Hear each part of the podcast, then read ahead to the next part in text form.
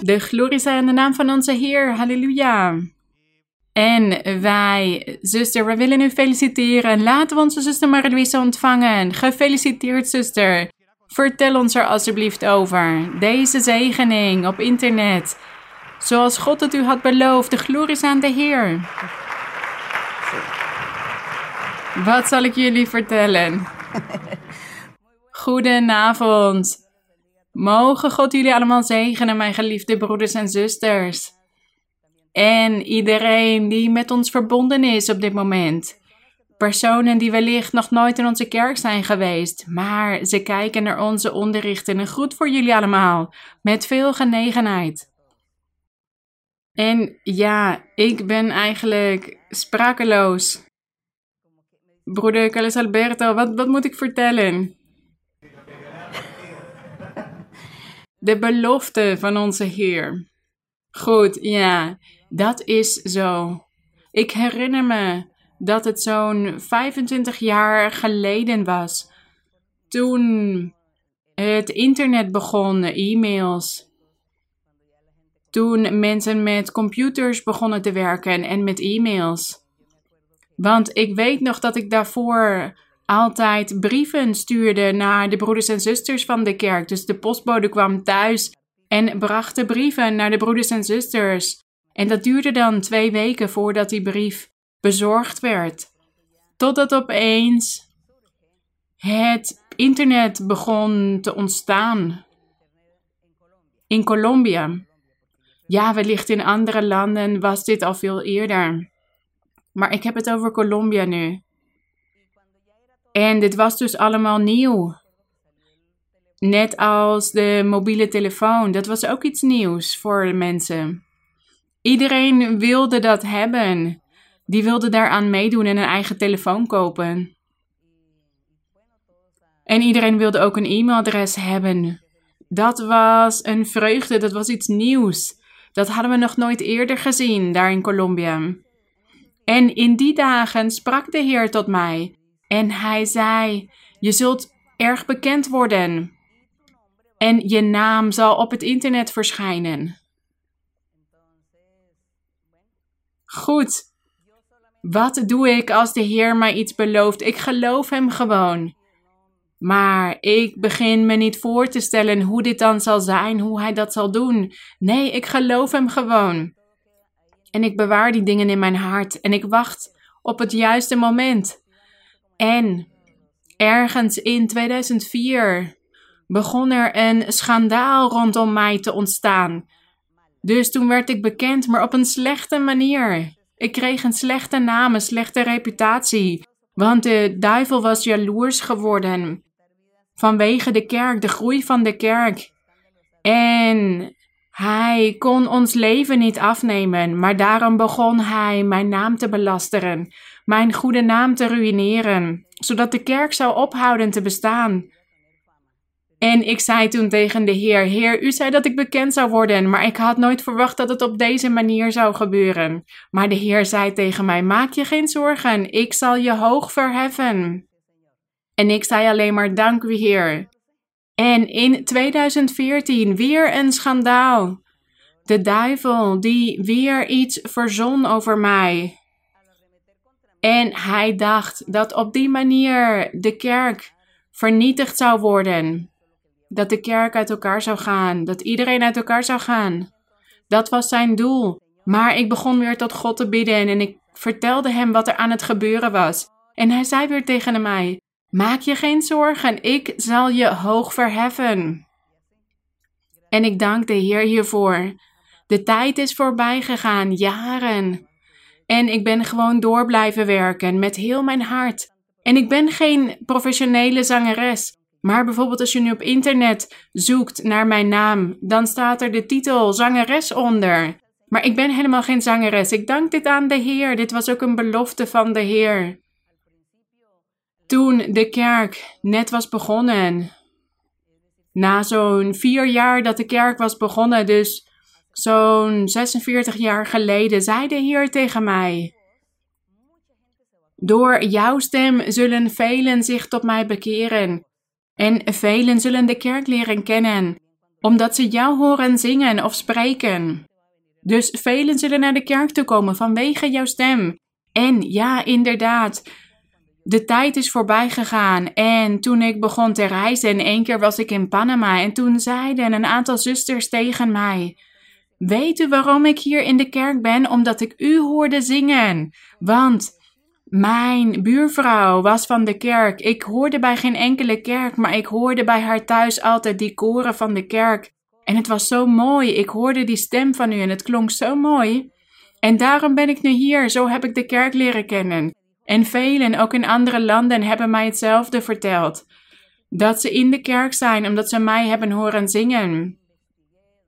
En dat ze zeiden: Ja, ik hoorde die prachtige stem en ik ging opzoeken waar dat vandaan kwam. En daarom heb ik de kerk leren kennen.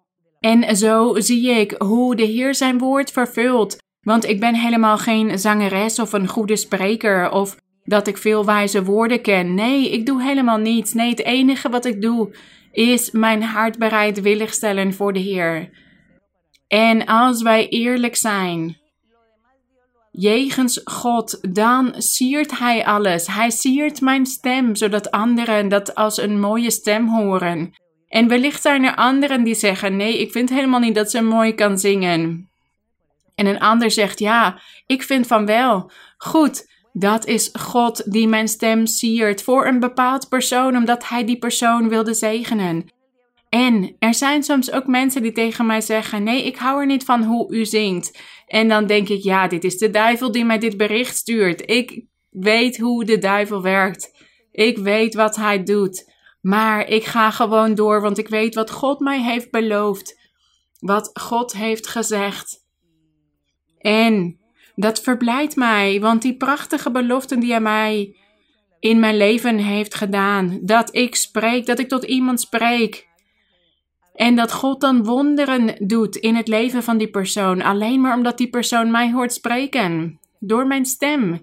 En dat is ook zo gebeurd. Dat heb ik vaak genoeg gezien en dat is zo mooi, want God is kracht. Zo is God, Hij is overal. En wanneer Hij iemand wil zegenen, dan doet hij dit ook. Zoals in de Bijbel te kunnen lezen dat God Abraham wilde zegenen en wellicht had hij vijanden en wilden anderen andere dingen doen. Wellicht uit jaloezie, maar wat is er gebeurd? God heeft zijn woord laten vervullen.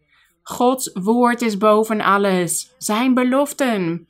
En zo is dit vandaag de dag ook in ons leven. En daarom nodig ik jullie ook allemaal uit om de Bijbel te blijven lezen.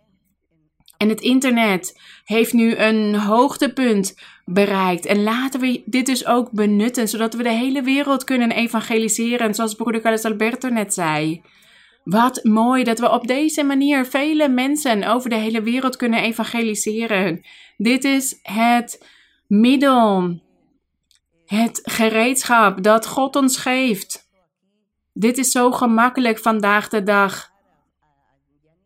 Er zijn geen excuses meer, geen smoesjes meer dat mensen zeggen: Nee, ik ken de Bijbel niet, ik weet niet waar ik die moet vinden. Of ik heb nooit over God gehoord. Nee, het is overal te vinden vandaag de dag. Vanwege de technologieën. Ja, uiteindelijk moet God wel tot de persoon gaan spreken zodat hij zich kan openbaren in zijn leven en dan kan hij spreken tot die persoon door dromen, profetieën of openbaringen. En wij danken onze Heer hiervoor, want hij had beloofd dat zijn evangelie verkondigd zou worden over de hele wereld en wij zien dit zo vervuld worden. Goed, mijn broeders, je kunt allemaal plaatsnemen. Dank jullie wel. Dank jullie wel voor jullie applaus hier van de broeders die hier bij me zijn. Dank jullie wel. En laten wij verder gaan met het bestuderen van de Bijbel. We zijn het boek Korinthe aan het lezen. Hoofdstuk voor hoofdstuk. En voordat wij gaan beginnen met dit boek. En het is erg interessant gebleken zo hoofdstuk voor hoofdstuk te lezen. Er zijn vele broeders die mij dit hebben gezegd en ik vind dit zelf ook erg mooi. dat we nu hoofdstuk voor hoofdstuk lezen. En zo gaan we heel veel versen leren kennen. En vele verschillende onderwerpen behandelen. Gezegend en geprezen zij onze Heer. Wij danken onze Heer. U kunt allemaal plaatsnemen. Waar jullie ook maar zijn. En zoals ik zei, zijn we hoofdstuk voor hoofdstuk aan het lezen. En zo komen we vele verrassingen tegen in alle versen. Vandaag gaan we 1 Korinthe hoofdstuk 6 lezen. 1 Korinthe hoofdstuk 6. We gaan lezen van vers 1 tot en met 20. Maar wellicht zullen we een aantal andere versen lezen, zodat wij de dingen in deze versen beter begrijpen, zodat we alles beter kunnen analyseren. En het belangrijkste is hiervan te leren en God te gehoorzamen, Hem te behagen en alles goed te doen om Hem te behagen. En ik geef jullie deze raad. Wanneer wij naar het onderricht aan het luisteren zijn, maak dan geen aantekeningen, want als u gaat schrijven, dan raakt u uw concentratie kwijt, dan raakt u de draad kwijt. De diepgaande betekenis, de geestelijke betekenis van het onderricht. Dus het is beter dat u alleen luistert zodat u het goed kan begrijpen en het in u op kunt nemen. En omdat de onderrichten op het internet blijven staan, kunt u daarna het nog een keer opzoeken en het nog een keer bekijken. En dan kunt u er aantekeningen bij maken. Maar wanneer ik hier het onderricht aan het geven ben, schrijf dan alsjeblieft niets op. Luister alleen. Luister, want we lezen in de Bijbel dat het geloof komt door het horen. En als u afgeleid wordt, want u luistert, maar tegelijkertijd wilt u alles opschrijven, dan zult u niet alles onthouden, niet alles begrijpen.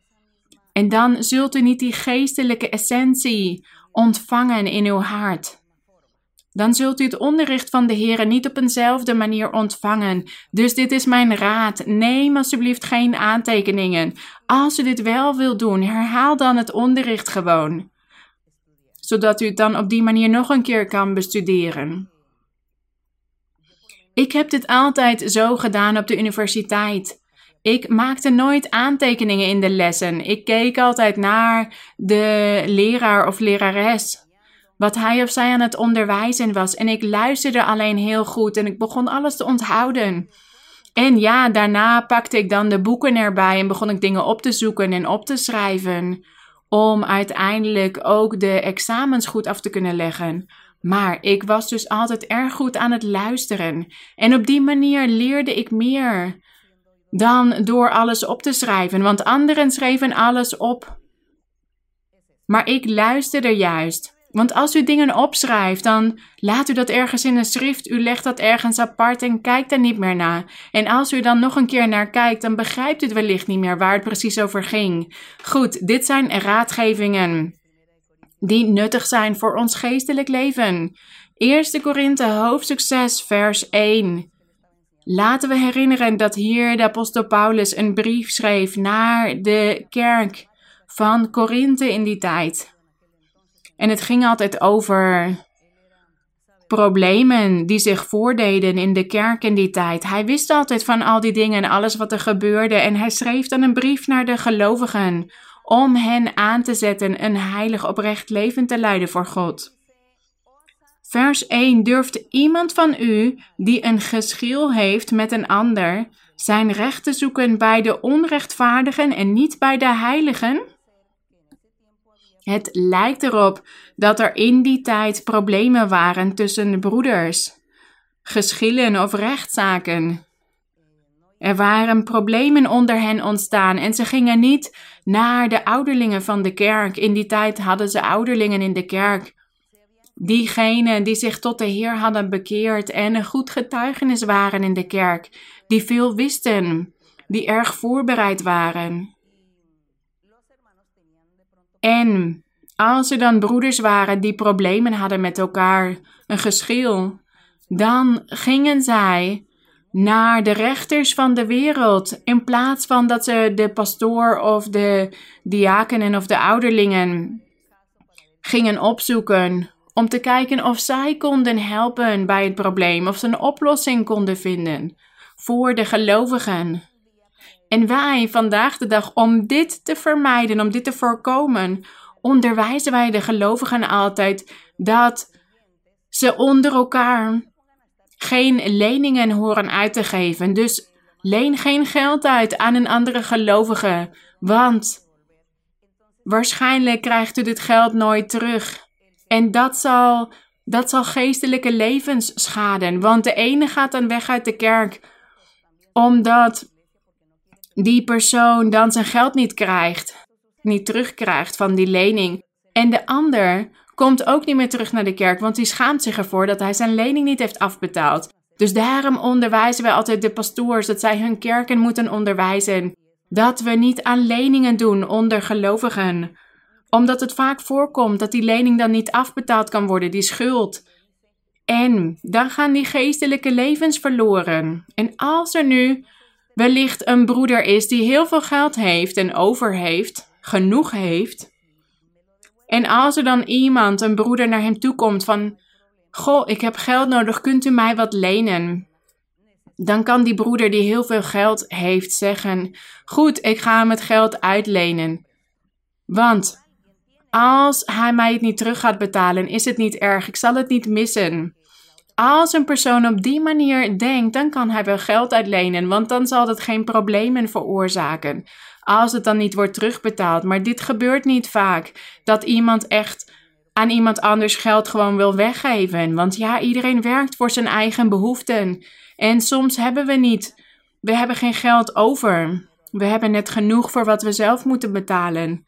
Dus dit is voor mensen die heel rijk zijn en echt veel geld over hebben, die het niet missen. Dat is een uitzondering. Die kunnen wellicht geld uitlenen.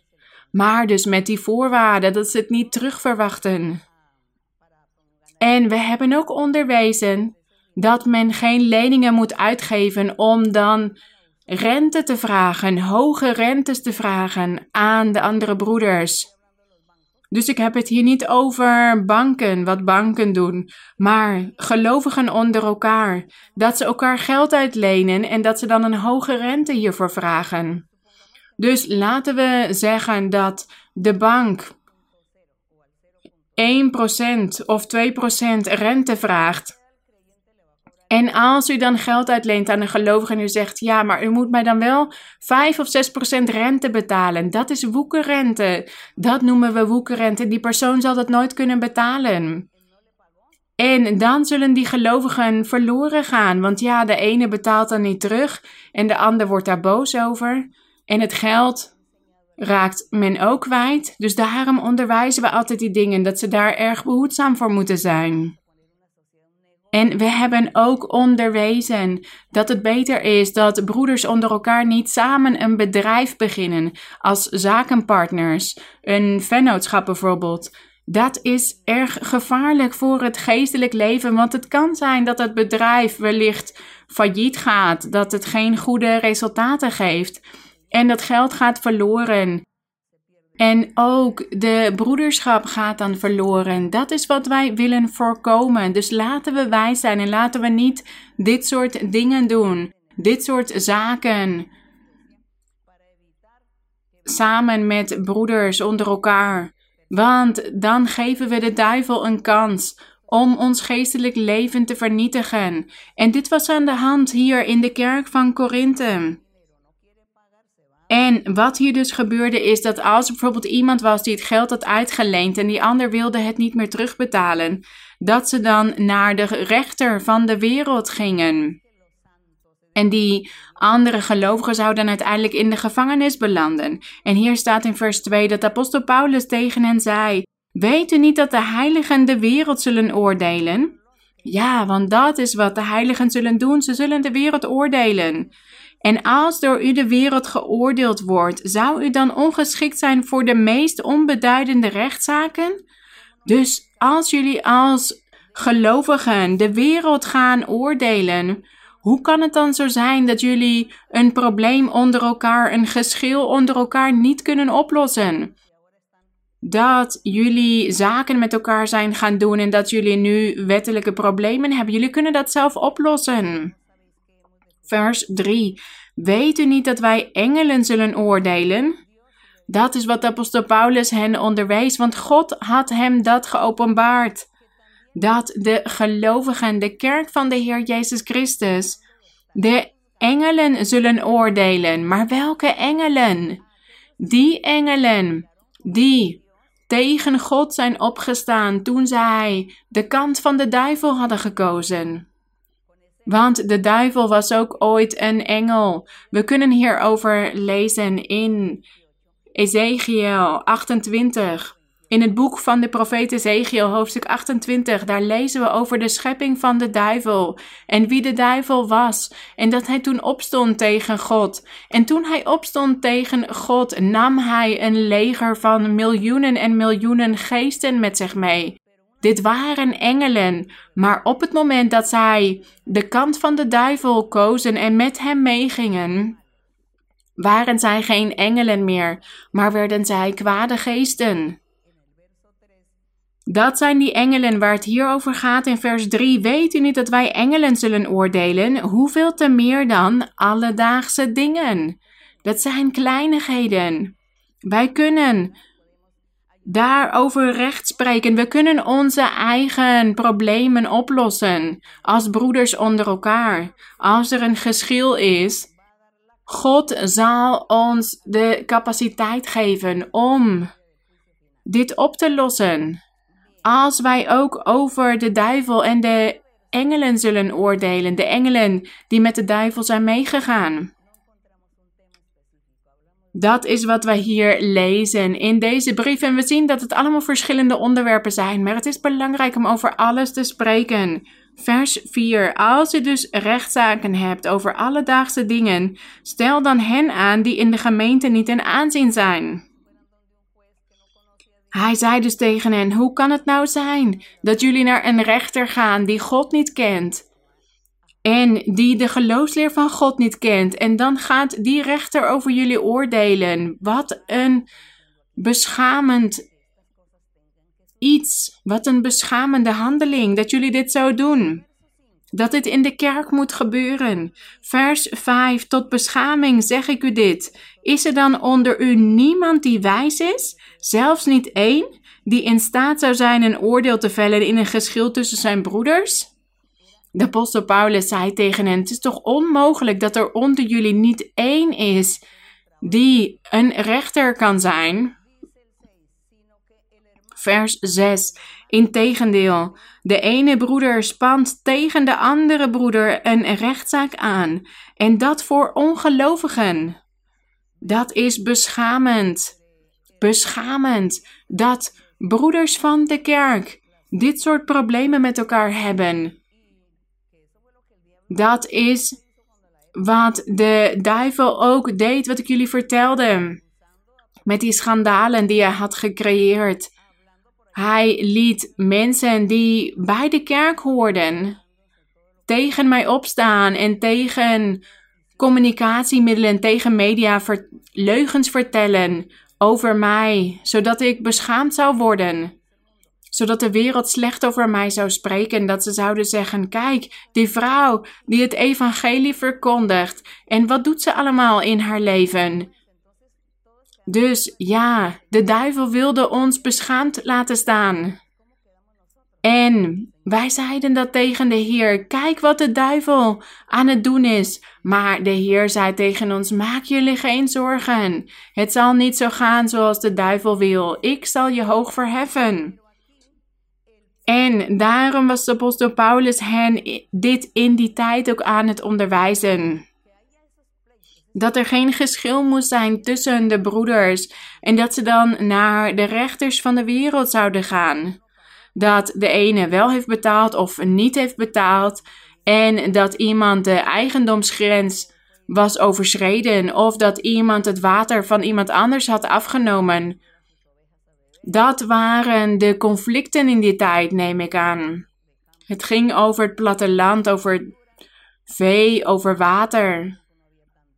Want in die tijd was er nog niet zoveel industrie. Dus dat waren die geschillen tussen de broeders. En de apostel Paulus wilde niet dat de kerk beschaamd zou worden, dat de wereld slecht zou spreken over de kerk of over de kinderen van God.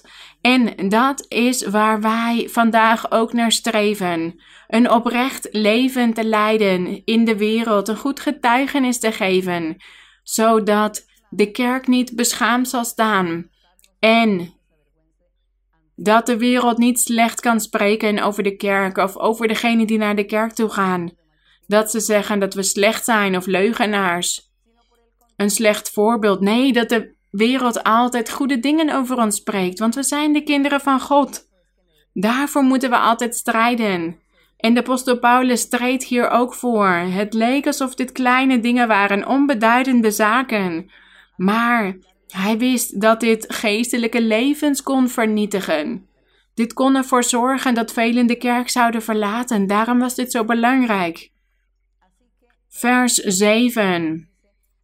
Dan is er al volledig sprake van verlies onder u, dat u onder elkaar rechtszaken hebt. Waarom leidt u niet liever onrecht?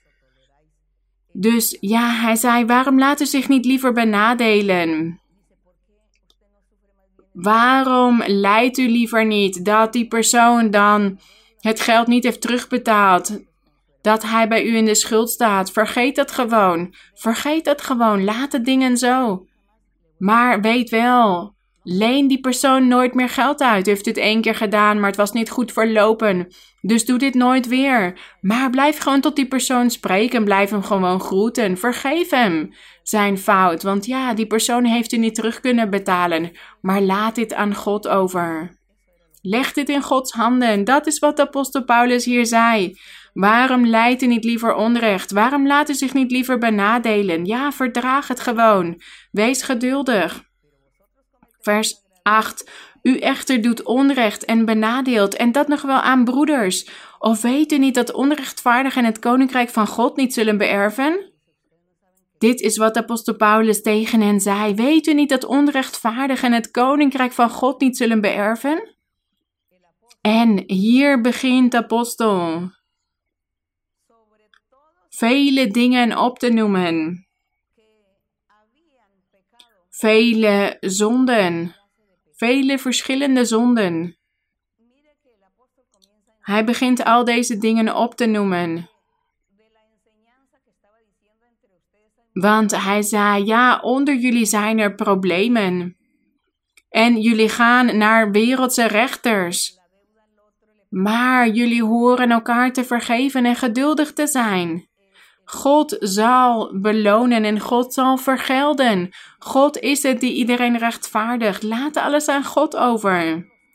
Want hij zegt hier: Herinner jullie dat degenen die slechte dingen doen, het koninkrijk van God niet zullen beërven. Ze zullen het eeuwige leven niet ontvangen. Dat is wat hij hier tegen hen zei. Dat degene die kwaad doet. Dus ja, iemand heeft wellicht geld van u gestolen.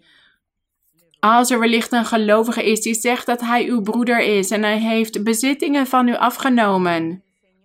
Gedenk dan dat de Heer hem dit zal vergelden. En als hij niet tot inkeer komt, dan zal hij het eeuwig leven verliezen. Dat is wat apostel Paulus hier zei. En hij begon hier allemaal andere zonden op te noemen, want het was niet alleen maar dat stelen een zonde was waardoor een persoon het eeuwig leven zou kunnen verliezen. Nee, hij zei hier dwaal niet in vers 10.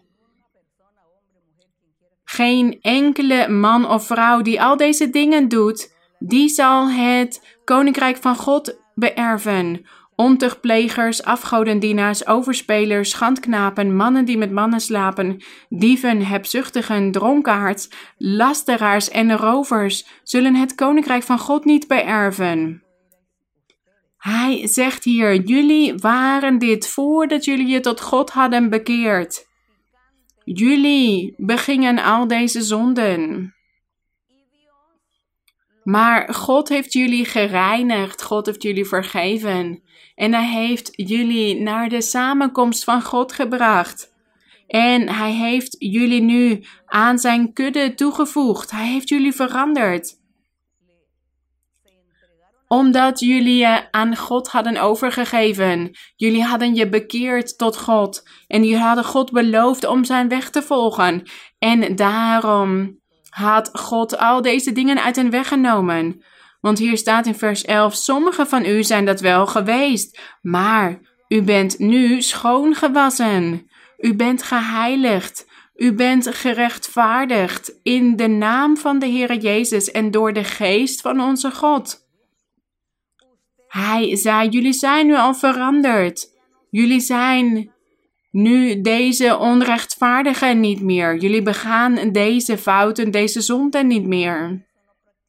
Jullie doen deze dingen niet meer in jullie leven, want jullie hebben je tot God bekeerd. En hoe kan het dan zo zijn dat jullie nu terugvallen vanwege die geschillen, vanwege die conflicten onder elkaar? dat er daardoor mensen de kerk verlaten en weer in zonde gaan leven. Zoals voordat jullie God leerden kennen, waarom vallen jullie terug?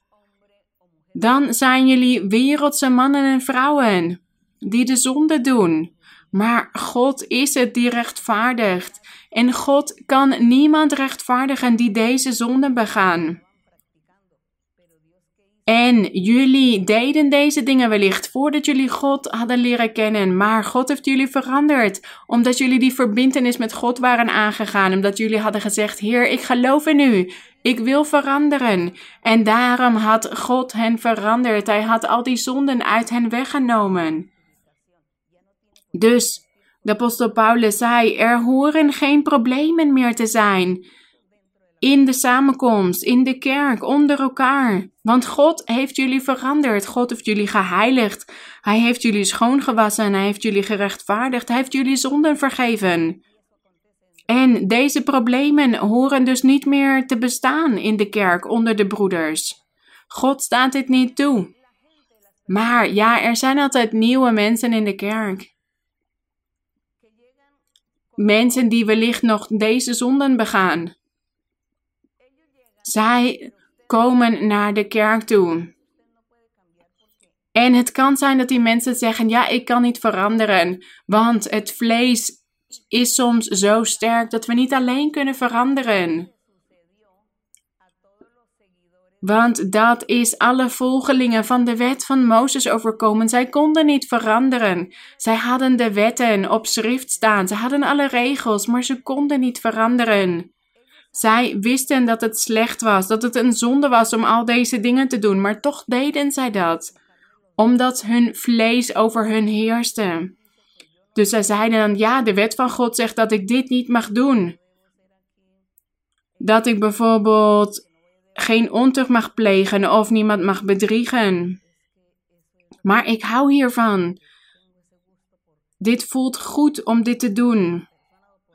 Of tegen iemand te liegen of overspel te plegen. Daar geniet ik van. Ik kan God niet gehoorzamen, zijn wet niet gehoorzamen. Dus zo zagen wij dat de wet van Mozes niemand heeft kunnen veranderen. Maar in het evangelie van de Heer Jezus Christus, dit wat wij vandaag de dag ook meemaken, het tijdperk van de Heilige Geest. De Heilige Geest is in ons midden.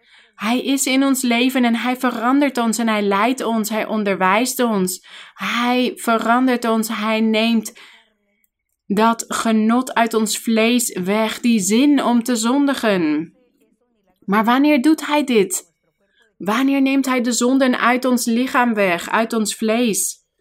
Dat we dus geen ontuchtplegers of afgodendienaars of overspelers meer zijn. Wanneer doet hij dit? Wanneer neemt de Heer dit uit mij weg? Wanneer ik zeg, Heer, ik erken dat dit mijn zonde is, deze zonden of deze zonde doe ik in mijn leven. En ik geniet hiervan, mijn vlees geniet hiervan en ik kan dit niet uit mij wegnemen. En ik weet dat uw woord zegt dat ik dit niet moet doen en dat ik moet veranderen, maar ik kan dit niet. Help mij. Als u mij niet helpt, kan ik dit niet doen. Ik erken, mijn Heer, dat dit mijn zwakheid is, of mijn zonde of mijn fout. Neem dit uit mij weg, help mij, want ik wil u behagen. Ik wil u dienen en u volgen. Als God dat van ons hoort en dat in ons ziet, in ons hart, dat verlangen, die bedoeling in ons hart en die erkenning van ons dat wij die zonden begaan in ons leven, dan begint God ons te veranderen. Hij verandert ons. Hij verandert ons. Hij vernieuwt ons. De Heer Jezus Christus zei dat Hij zonden zou vergeven, dat Hij mensen zou schoonwassen. En het is dus niet alleen maar dat Hij de zonden vergeeft, maar Hij neemt ook die zondige tendentie uit de mensen weg.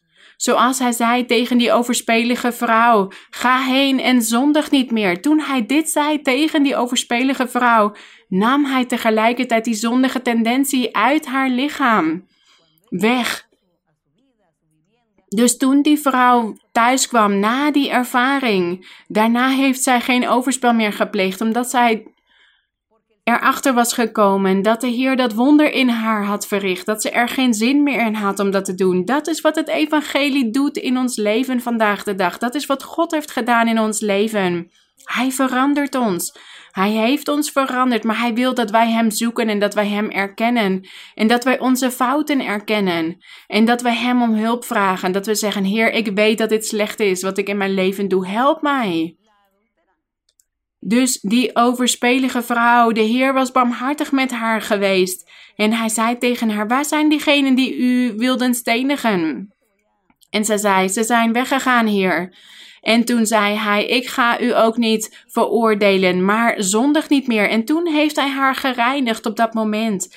Dus wanneer wij voor de Heer komen, dan zeggen wij ook: Heer, verander mij. Ik wil u behagen. Ik wil uw wil doen. En dan zal de Heer tegen ons zeggen: Ja, ik zal je helpen, zodat je mij kan behagen. Ik zal je schoonwassen, ik zal je reinigen. Ik zal die zondige tendentie uit je weghalen. En dat is wat de Heer doet met ons in het Evangelie. Dus, als u vers 9 en 10 leest, dan wordt u wellicht ongerust en zegt u: Wat moet ik nu doen? En de apostel Paulus zegt hier in vers 11: Ja, sommigen van u zijn dit wel geweest, maar nu bent u schoongewassen, geheiligd, gerechtvaardigd, vergeven door de Heer en daarom doen jullie deze dingen niet meer. Degene die dit nog steeds doet, die valt terug in zijn oude leven.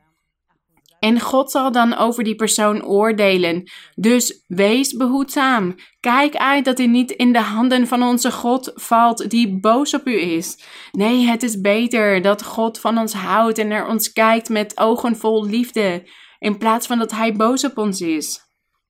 God verandert ons. Dat is het onderricht hier. Wellicht zegt u: Ja, ik word zo graag dronken of ik gebruik zo graag drugs. Maakt u zich geen zorgen als u zegt: Ik kan dit niet uit mij wegnemen. Want u kunt dit niet zelf, maar begin te geloven in de Heer. En zeg tegen de Heer: Ik wil geloven in die God die die mevrouw Maria Luisa aan het verkondigen is. Ik wil in die God geloven die verandert zodat Hij mij ook verandert. En dan zal de Heer naar u omkijken en u ook reinigen, want wij verkondigen die ware God de werkelijke God, de God die bestaat en spreekt en verandert. Die tenden, tendenties uit ons lichaam, uit ons vlees wegneemt, die zondige tendenties, die God verkondigen wij. En in vers 12 zegt apostel Paulus, hij heeft het hier over de gelovigen, dat zij de Heer moesten dienen. Hier staat in vers 12: Alle dingen zijn mij geoorloofd. Ja, ik kan alles doen als ik dit wil. Maar niet alle dingen zijn nuttig. Alle dingen zijn mij geoorloofd, maar ik zal mij niet onder de macht van ook maar iets laten brengen. Dat is wat hij zei. Als er ook maar iets is waarmee ik God beledig of, het, of ik het eeuwig leven kan verliezen, dan zal ik mij niet onder de macht van dat laten brengen. Broeders en zusters en iedereen die naar mij luistert. Wij kunnen macht hebben over de zonde in ons lichaam, over de zwakheden in ons lichaam. We kunnen dus zeggen: Ik heb de macht over het ontucht of niet. Ik kan er nee tegen zeggen, omdat we God willen behagen. Of een overspeler kan zeggen: Ik heb macht over die geest van overspel in mij. Ik kan veranderen. God zal mij helpen en God zal die persoon dan helpen en die zal kracht geven om dit te kunnen doen. Dus er kan iemand zijn die zegt: Ja, ik wil geen lasteraar meer zijn, ik wil geen rover meer zijn, ik wil niet meer bedriegen. Dan begint God die persoon te helpen, te veranderen omdat we over ons vlees willen heersen. We moeten over ons vlees heersen. We moeten nee zeggen tegen ons vlees. Dus hier staat dat wij ons niet onder de macht van wat dan ook laten brengen. Vers 13. Die dingen die dus niet nuttig zijn. Vers 13. Het voedsel is voor de buik. En de buik voor het voedsel. Maar God zal zowel het een als het ander te niet doen. Ja, ons fysieke lichaam zal ooit vernietigd worden, teniet gedaan worden. Het lichaam echter is niet voor de hoererij of voor de ontucht of overspel. Overspel en ontucht hebben veel met elkaar te maken. Ze gaan hand in hand. Het gaat om hetzelfde intieme, de intieme handeling. En overspel is wanneer wij al een verbindenis zijn aangegaan met iemand. Dus we hebben een partner, maar we gaan dan met iemand anders ook die intieme handeling aan. Dan zijn wij overspel aan het plegen. Dan vervalsen wij die verbindenis die wij aangegaan waren. Net als de melk vervalst wordt als we er water bij doen, dan is het geen zuivere melk meer dan is het verdund. En dat is dus dat overspel, het overspel plegen, dat wij een verbindenis vervalsen. Ja, en ik kan het niet heel duidelijk zeggen, want er zijn ook kinderen die hier naar luisteren. Vers 13 dus, ja, dat God zowel het voedsel als de buik te niet zal doen. Ja, maar het lichaam is niet voor de hoererij, maar voor de Here en de Heere voor het lichaam. En God heeft niet alleen de Heere opgewekt, maar zal ook ons opwekken door zijn kracht. En in vers 15 zegt hij: Weet u niet dat uw lichamen leden zijn van Christus? Zal ik dan de leden van Christus nemen en die maken tot leden van een hoer of van een prostituee? Volstrekt niet, zegt hij. En we kunnen het ook over iemand anders hebben dan een prostituee, want men kan ook overspel plegen met andere vrouwen. Het hoeft niet per se met een prostituee te zijn. Er zijn vele verschillende gevallen waarin we overspel zien. Vers 15 dus. Zal ik dan de leden van Christus nemen en die maken tot leden van een hoer? Volstrekt niet. Vers 16. Of weet u niet dat wie zich met een hoer verenigt, dus als u overspel pleegt met wie dan ook, het hoeft niet per se een prostituee te zijn. Ja, er bestaan zoveel dingen vandaag de dag die mensen doen. Wie zich verenigt met het overspel, één lichaam met haar is, want die twee, zegt hij, zullen tot één vlees zijn. Zo heeft God dit gezegd in Genesis 2:24. Hij zei tegen Adam en Eva: dat zij vruchtbaar moesten zijn en talrijk moesten worden. En dat zij samen één vlees zouden zijn. En hij had het over dat intieme, dat ze samen één vlees zouden zijn, Adam en Eva, als man en vrouw. Niet samen één geest, één mentaliteit. Nee, twee verschillende personen, twee verschillende persoonlijkheden, twee verschillende geesten. Maar het vlees zou wel één worden, het lichaam. Het lichaam zou één zijn vanwege de intieme handelingen. En hier staat dus dat die twee tot één vlees zullen zijn. En de Heilige Geest wil in ons komen wonen. Dus ja, dan moeten wij een tempel voor God zijn, als wij dit willen. Maar als wij zonden begaan, als wij de zonde doen, zoals we hebben gelezen in vers 9 en 10, dan kunnen we geen tempel voor de Heer zijn. Dan kunnen we geen tempel van God zijn, dan zouden we een tempel van de duivel zijn. Vers 18. Vlucht weg van de hoererij of ontucht. Ontucht of overspel. Dit kan dus onder een man en vrouw zijn die met elkaar getrouwd zijn. Ze hebben een gezin gevormd. Ze zijn die verbintenis aangegaan, maar ze zoeken dan een andere partner. Dan plegen zij overspel en ook ontucht, omdat ze met iemand anders intiem zijn. Zij begaan dan beide zonden, zowel ontucht als overspel. Dus hier staat vlucht weg van de ontucht. Elke zonde die een mens doet, blijft buiten het lichaam. Dat is wat hij zei, dus bijvoorbeeld stelen of bedriegen of liegen. Ja, dat is buiten het lichaam. Maar wie ontucht bedrijft, zondigt tegen zijn eigen lichaam. En wat gebeurt er als wij tegen ons eigen lichaam zondigen?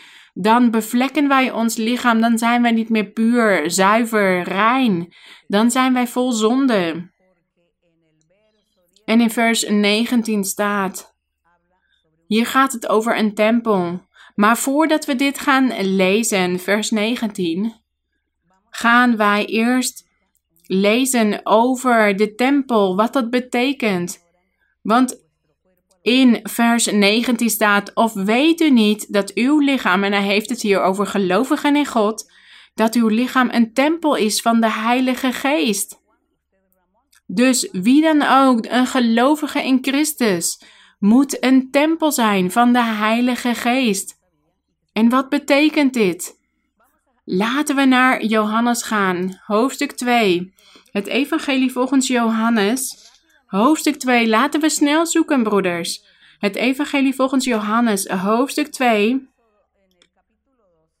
Hoofdstuk 2, vers 13. Johannes 2, 13 tot en met 22 gaan we snel lezen. En het paascha van de Joden was nabij.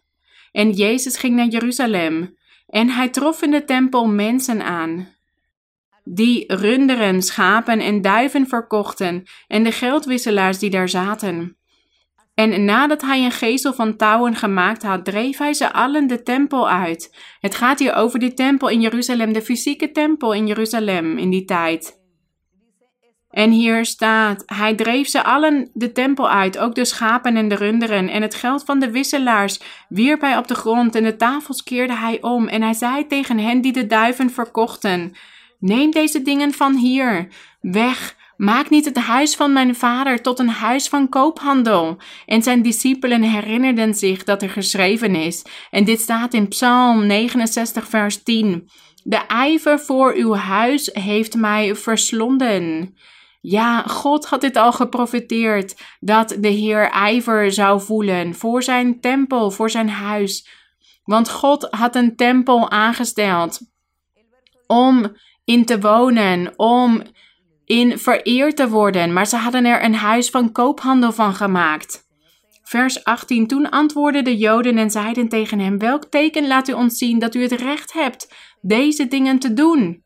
Dat is wat ze tegen de Heer Jezus zei toen hij iedereen, al die kooplieden uit de tempel van de Heer had verdreven.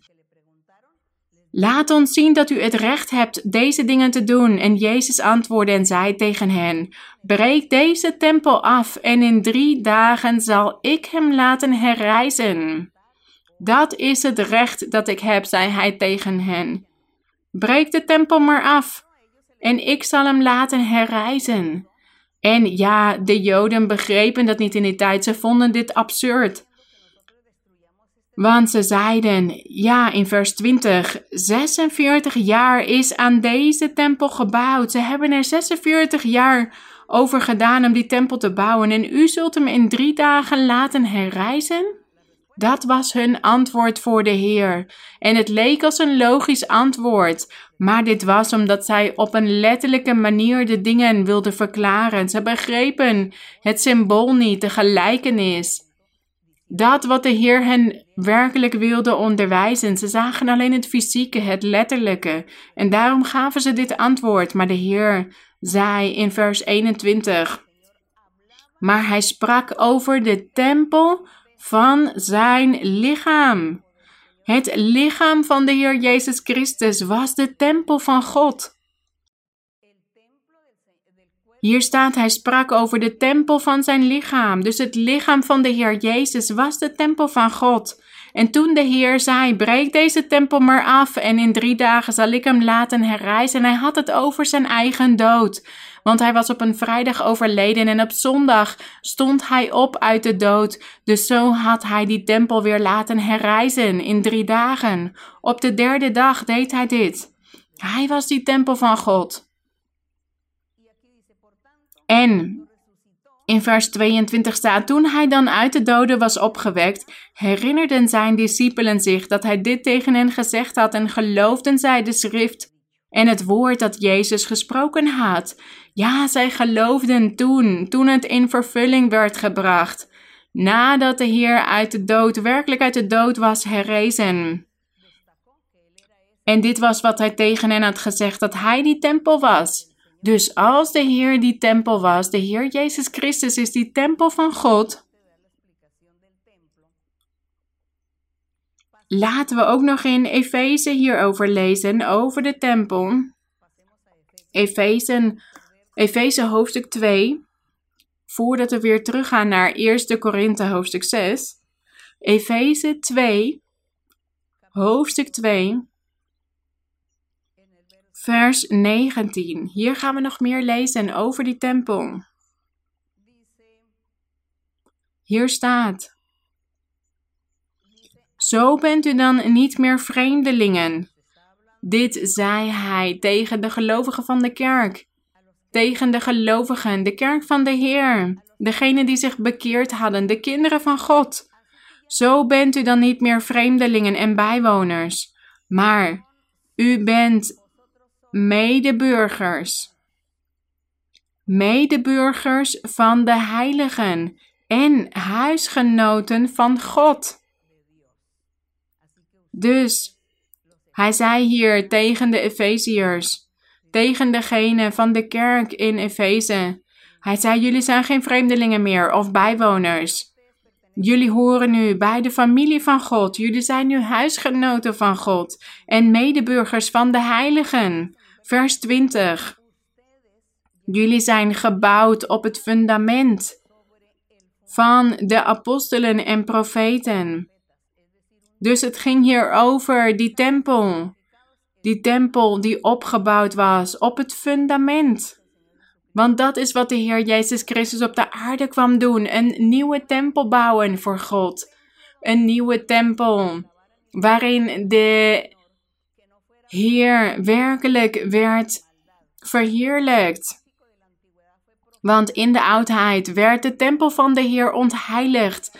Het was ontheiligd en daarom kon God niet meer in die tempel wonen, in die fysieke tempel. En daarom had de Heer gezegd tegen de Vader dat hij een nieuwe tempel zou maken voor de Vader. En daarom zijn wij als gelovigen allemaal samen zijn wij de tempel voor God en we zijn ook allemaal zelf een tempel voor God. En hier staat gebouwd op het fundament van de apostelen en profeten, waarvan Jezus Christus zelf de hoeksteen is. Hij is de hoeksteen, de belangrijkste steen van het gebouw. Dus de Heer is die tempel aan het opbouwen. Symbolisch die symbolische tempel waar God tot in de eeuwigheid zal wonen. Waar Hij zich zal vermaken met zijn gelovigen. Die staat gebouwd op het fundament van de apostelen en profeten. En Jezus Christus zelf is de hoeksteen. En Hij is zelf God. En hij onderwijst ons ook dat wij ook allemaal een tempel moeten zijn voor God, om Hem te loven, om Hem te dienen. Dus hoe moet ons leven zijn? Hoe moeten wij leven? Om een tempel voor de Heer te kunnen zijn. Vers 21. En op wie het hele gebouw, goed samengevoegd, verrijst tot een heilige tempel in de Heere. Dus dit gebouw is de Heer aan het opbouwen. Hij laat het verrijzen. En hij bouwt er steeds meer bovenop, steeds meer verdiepingen. Steeds meer verdiepingen, het wordt steeds hoger, die toren. Totdat het op een gegeven moment de aanwezigheid van God zal bereiken, omdat het zo erg gegroeid is. Dat gebouw. Maar gedenk jullie dat de apostel onderwees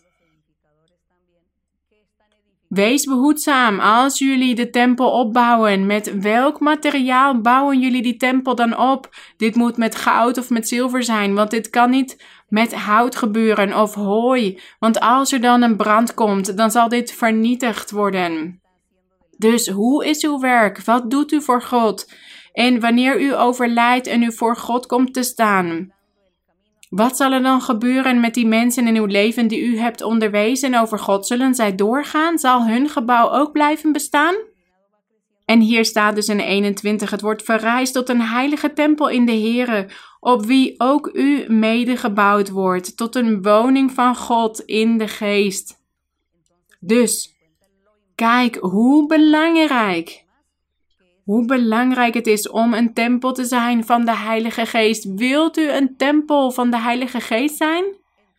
Dan moet u zich onthouden van al die zonden waar we over gelezen hebben in 1 Korinthe hoofdstuk 6 vers 9 en 10. En bijvoorbeeld ook in Romeinen hoofdstuk 2 vinden we vele zonden. En in Galaten. Het zou mooi zijn als u tijd vrijmaakt om een hele lijst te maken van alle zonden die we in de Bijbel kunnen vinden, die wij moeten afleggen. Maar we kunnen dit niet alleen, we kunnen niet alleen veranderen, we kunnen dit niet allemaal alleen afleggen. Maar de Heer helpt ons als wij dit erkennen. Als wij tegen de Heer zeggen: Heer, ik bega deze en deze fouten, help mij om te veranderen, om beter te worden. En dan zal God van ons een tempel maken. Een tempel voor God moet heilig zijn. En daarom staat hier in Efeze dat dit hele gebouw goed samengevoegd verrijst wordt tot een heilige tempel in de Here, op wie ook u mede gebouwd wordt tot een woning van God in de geest. De glorie zij aan de Heer. En laten we weer teruggaan naar 1 Korinthe hoofdstuk 6. We waren gebleven in vers 18. Daar zei de apostel: Vlucht weg van de ontucht. Elke zonde die een mens doet, blijft buiten het lichaam, maar wie ontucht bedrijft, zondigt tegen zijn eigen lichaam.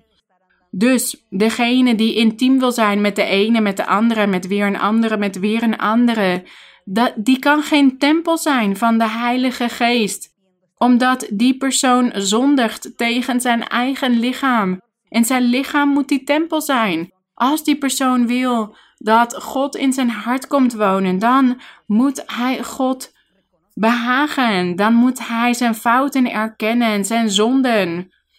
En God om hulp vragen. En dan zal God hem helpen, want God is barmhartig en hij verandert. Hij is het die nieuw leven geeft. Hij is het die van ons een nieuwe man of een nieuwe vrouw maakt. Wij worden opnieuw geboren dankzij God. Daarom zei de Heer tegen Nicodemus: U moet opnieuw geboren worden om in het koninkrijk der hemelen in te kunnen gaan. En Nicodemus zei toen tegen de Heer: Maar hoe kan dit nou dat ik weer de schoot van mijn moeder in moet gaan om opnieuw geboren te worden? Nee, nee, dit is symbolisch. Verlang ernaar om te veranderen. Leer mijn geboden en neem ze in acht en dan zult u opnieuw geboren zijn. Ik zal dan een nieuw mens van u maken. Dat was wat er met Nicodemus was gebeurd toen. Vers 19. Of weet u niet dat uw lichaam een tempel is van de Heilige Geest, die in u is en die u van God hebt ontvangen, en dat u niet van uzelf bent. U bent immers duur gekocht. Verheerlijk daarom God in uw lichaam en in uw geest, die van God zijn. Dus kijk, het is niet alleen maar God verheerlijken in onze geest, maar ook in ons lichaam. In ons lichaam moeten wij ook God verheerlijken. Wij moeten een heilig oprecht leven leiden. Dus het is geen zonde als een man en een vrouw een verbintenis aangaan en een gezin gaan vormen en intiem zijn samen. Dat is geen zonde. Zonde is wat dan buiten het huwelijk, buiten die verbintenis gebeurt. Dat is wat we dan ontucht of hoererij of overspel noemen. Dan wordt het lichaam ontheiligd of de tempel van de Heer ontheiligd. En ja, dit kan op veel verschillende dingen, manieren. We horen zoveel dingen in de wereld vandaag, waardoor wij ons lichaam kunnen ontheiligen. Maar als wij de tempel van de Heilige Geest willen zijn, moeten wij in heiligheid leven. Dan moeten wij veranderen. Maar omdat we dit niet zelf kunnen, zeggen we dan tegen de Heer: we vragen Hem om hulp. We zeggen dan: Heer, help mij, want ik wil U behagen. Ik wil Uw wil doen. Ik wil gelukkig zijn. Ik wil gelukkig zijn. En dan zal de Heer ons veranderen. Hij zal ons vernieuwen en Hij zal ons geluk geven. Want Hij wil dat wij allemaal gelukkig zijn. Gezegend zij de Heer. Dat is de belofte van mijn God. De belofte van de Heer. En laten wij nu de Heer bedanken. Laten we onze God bedanken voor dit onderricht van vandaag. En laten wij Hem vragen om barmhartig te zijn met ons allemaal. Dat de Heer toestaat dat wij allemaal een tempel van de Heilige Geest mogen zijn. Dat we Zijn tempel mogen zijn. Gezegend zij de Heer. Heilige Vader, Vader van onze Heer Jezus Christus. Eeuwige God, Schepper van de hemelen en de aarde. Onze krachtige God. Onze grote God en wonderbaarlijke God. Rechtvaardig, oprecht, barmhartig bent u, mijn Heer. Rein zijn uw wegen, recht is uw woord, mijn Heer. U bent rechtvaardig. U bent groot en goed. Wij danken u, mijn Heer, want wij leren uw wegen kennen. Wij danken u, want wij zien uw wonderen. Wij zien dat u bestaat. Dat u een werkelijkheid bent. U bent de waarheid. U bestaat, mijn God. En wij hopen ook dat u met ons allen barmhartig zult zijn en dat u ons helpt om te veranderen. Zodat wij vernieuwd kunnen zijn, wedergeboren, reinig, gereinigd door u, zuiver. Zodat al die zonde uit ons weg is, zodat wij gereinigd zijn, zodat u in ons hart kunt wonen. En dat u ons gelukkig kunt maken, want u geeft het geluk, mijn Heer. U bent de enige die het geluk geeft. Wij danken u, Heilige Vader, voor uw beloften. Die beloften die u ons hebt gedaan over ons leven en we zien hoe dit allemaal wordt vervuld. Door de jaren heen. Wij danken u, mijn Heer. Want u geeft ons al die tekens, al die bewijzen dat u bestaat. Maar wij twijfelen niet aan u, mijn Heer. Wij twijfelen niet aan u. Maar er zijn velen die ons belachelijk maken en zeggen dat we gek zijn, dat we dom zijn. Maar wij weten dat dit niet zo is. Wij weten dat u bestaat en dat u die krachtige God bent. En dat u barmhartig zult zijn met allen die lijden. Met allen die vastgebonden zijn vastgeketend, gevangenen van de vijand, vanwege vervloekingen. U zult hen uit de gevangenis halen, u zult hen vrijlating geven. U zult hen bevrijden, u zult hen reinigen, u zult hen vrede en rust geven en blijdschap om door te gaan, om door te gaan, om vooruit te gaan om over u te blijven spreken, om uw woord te blijven verkondigen, om uw Bijbel te blijven lezen, uw woord te blijven overdenken en uw prachtige handelingen, uw prachtige daden. Wij danken u, mijn Vader. En ik vraag u ook op dit moment om ongeloof weg te nemen uit velen. Neem twijfel weg uit velen. En neem nalatigheid weg, koppigheid, opstandigheid, hardnekkigheid. Neem die grilligheid weg. En verhelder de geest, verhelder de gedachten, mijn Heer. Bevrijd de harten. Geef wijsheid en verstand aan allen, zodat iedereen kan beredeneren en begrijpen dat u bestaat en dat zij uit die slavernij kunnen komen van de vijand. Wees barmhartig, mijn Heer, wees barmhartig met allen die tot u bidden, die u tot u roepen. En ik vraag u ook voor het fysieke, voor de genezingen, om allen die ziek zijn in hun lichaam te genezen. Want er zijn velen die lijden onder ziekten en ook onder dit virus die nu in het ziekenhuis liggen. Bevrijd en spaar levens, mijn Heer. Genees. Neem deze vallen van de duivel weg, mijn Heer, en reinig iedereen. Luister, neem die gebeden aan van iedereen. Wij danken u, Heer, voor uw barmhartigheid, voor uw liefde. Wij danken u, mijn Heer, wij danken u. En ik bid ook tot u voor degenen die lijden onder vervloekingen en hekserijen en tovenarijen. Er zijn personages die hieronder lijden, die vervloekingen en toverspreuken. Maar u bent krachtig, mijn Heer, en u kunt bevrijden, u kunt reinigen. U kunt deze mensen helpen, degenen die over u nadenken, die tot u roepen, die u willen leren kennen, mijn Heer. Bevrijd hen, bescherm hen en help hen. We danken u, mijn Heer, omdat u ons gebed verhoort. Zegen de broeders en zusters in alle kerken en in alle samenkomsten die ook vandaag weer samen zijn gekomen en hier naar dit onderricht aan het kijken zijn. Zegen iedereen en verhoor hun verzoeken, hun gebeden, mijn Heer. Geef hen overwinningen. In de luisterrijke naam van Jezus Christus uit Nazareth. We danken u, mijn Vader, in de naam van Christus. De glorie en de eer zij voor onze God. Van nu aan tot in alle eeuwigheid. Amen. Gezegend zij de Heer. Gezegend en geprezen zij de naam van onze God. Dank jullie wel, broeders en zusters. En iedereen die bij ons is geweest vandaag. Mogen God jullie allemaal groot zegenen. Vele omhelzingen voor jullie allemaal en ook voor de kinderen. Mogen God jullie zegenen tot binnenkort. Dank jullie wel.